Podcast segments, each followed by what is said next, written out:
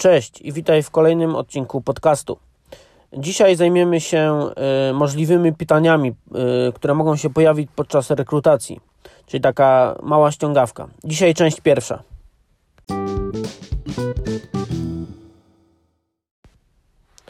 Pierwsze pytanie to jest takie podstawowe, czyli czym jest w ogóle testowanie oprogramowania. W skrócie można powiedzieć, że y, zgodnie z normą ANSI IEEE 1059 Testowanie oprogramowania jest to proces analizy elementu oprogramowania e, w celu wykrycia po prostu różnic między, e, między istniejącą aplikacją e, czy też funkcjonalnościami w aplikacji i systemie, a wymaganymi warunkami. Drugie pytanie, które może się pojawić na rozmowie, to jest jakie są najlepsze praktyki podczas pisania przypadków testowych? No i tutaj możemy wymienić kilka, na przykład pisanie przypadków z perspektywy użytkownika końcowego, który będzie używał tego systemu, e, pisanie kroków testowych w taki sposób, aby każdy mógł je łatwo wykonać, e, sprawdzenie, by przypadki testowe nadawały się do ponownego użycia, ustawienie priorytetu, podanie opisu przypadku testowego, danych testowych, oczekiwanego wyniku, warunków wstępnych, E, pisanie przypadków negatywnych, e, zarówno negatywnych, jak i pozytywnych, e, przestrzeganie konwencji dotyczących prawidłowego nazewnictwa, no i oczywiście regularne przeglądanie przypadków testowych i w razie potrzeby ich aktualizacja. Pytanie trzecie, czym jest zarządzanie konfiguracją i czy możesz podać przykłady popularnych narzędzi? A więc zarządzanie konfiguracją jest to proces mający na celu utrzymanie zasobów systemowych, systemów komputerowych, serwerów, oprogramowania i wydajności produktów w takim stałym stanie.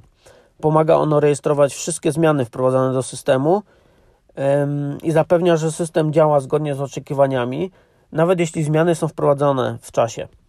E, niektóre z popularnych narzędzi to Ansible, Chef, Puppet, Terraform czy SalStack. Pytanie czwarte. Y, co jeśli oprogramowanie jest, y, oprogramowanie posiada tak dużo błędów, że nie da się go w ogóle przetestować?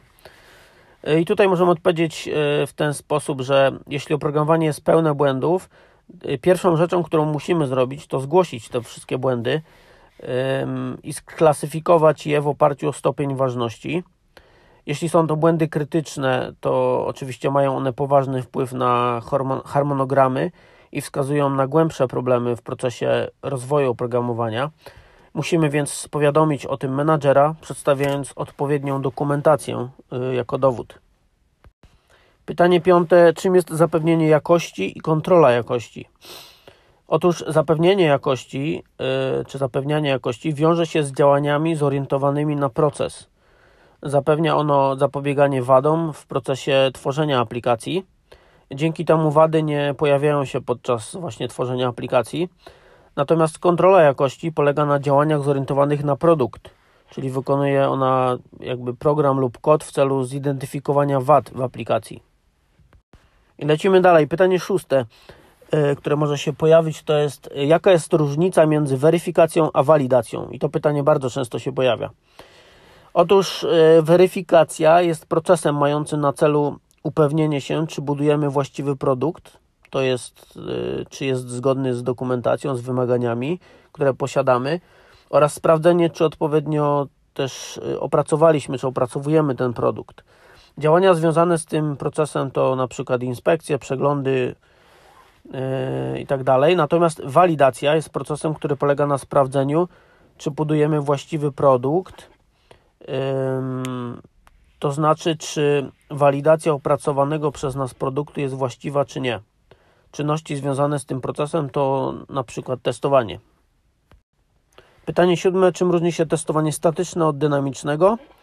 E, testowanie statyczne polega na przeglądaniu dokumentów w celu zidentyfikowania wad we, wczesnych etapach cyklu rozwoju oprogramowania Natomiast dynamiczne polega na wykonaniu kodu, czyli weryfikuje jakby wyjście z oczekiwanym rezultatem. Pytanie ósme, które też bardzo często się pojawia.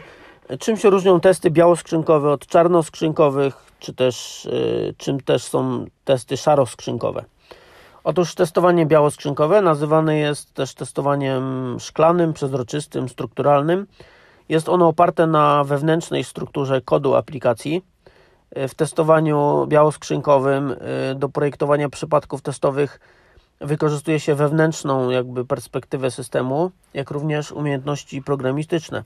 Testowanie to zazwyczaj odbywa się na poziomie jednostkowym, czyli e, wykonywane jest przeważnie przez programistów. Testowanie czarnoskrzynkowe jest metodą testowania oprogramowania, e, w której testerzy oceniają funkcjonalność testowanego oprogramowania bez patrzenia na wewnętrzną strukturę kodu.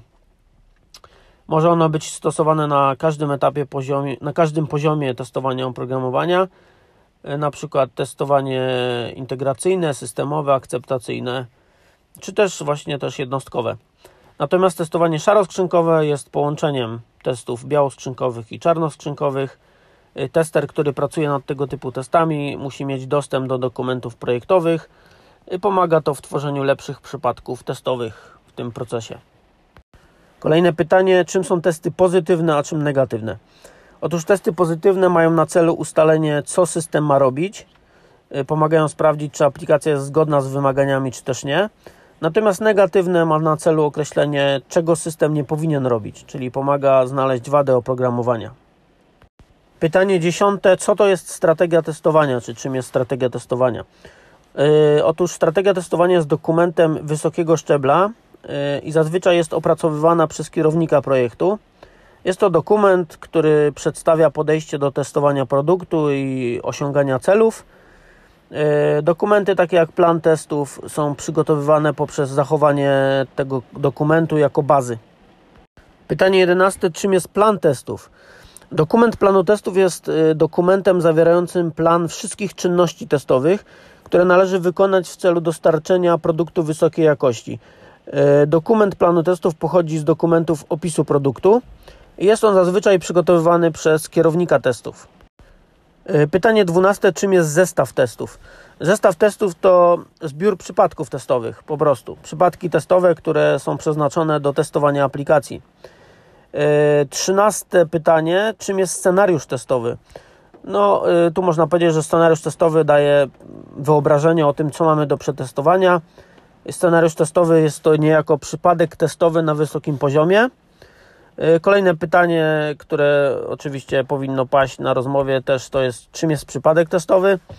Otóż przypadki testowe są zestawem pozytywnych i negatywnych kroków wykonywalnych scenariusza testowego, który zawiera y, zestaw warunków wstępnych, danych testowych, oczekiwanych rezultatów, warunków dodatkowych czy rzeczywistych wyników.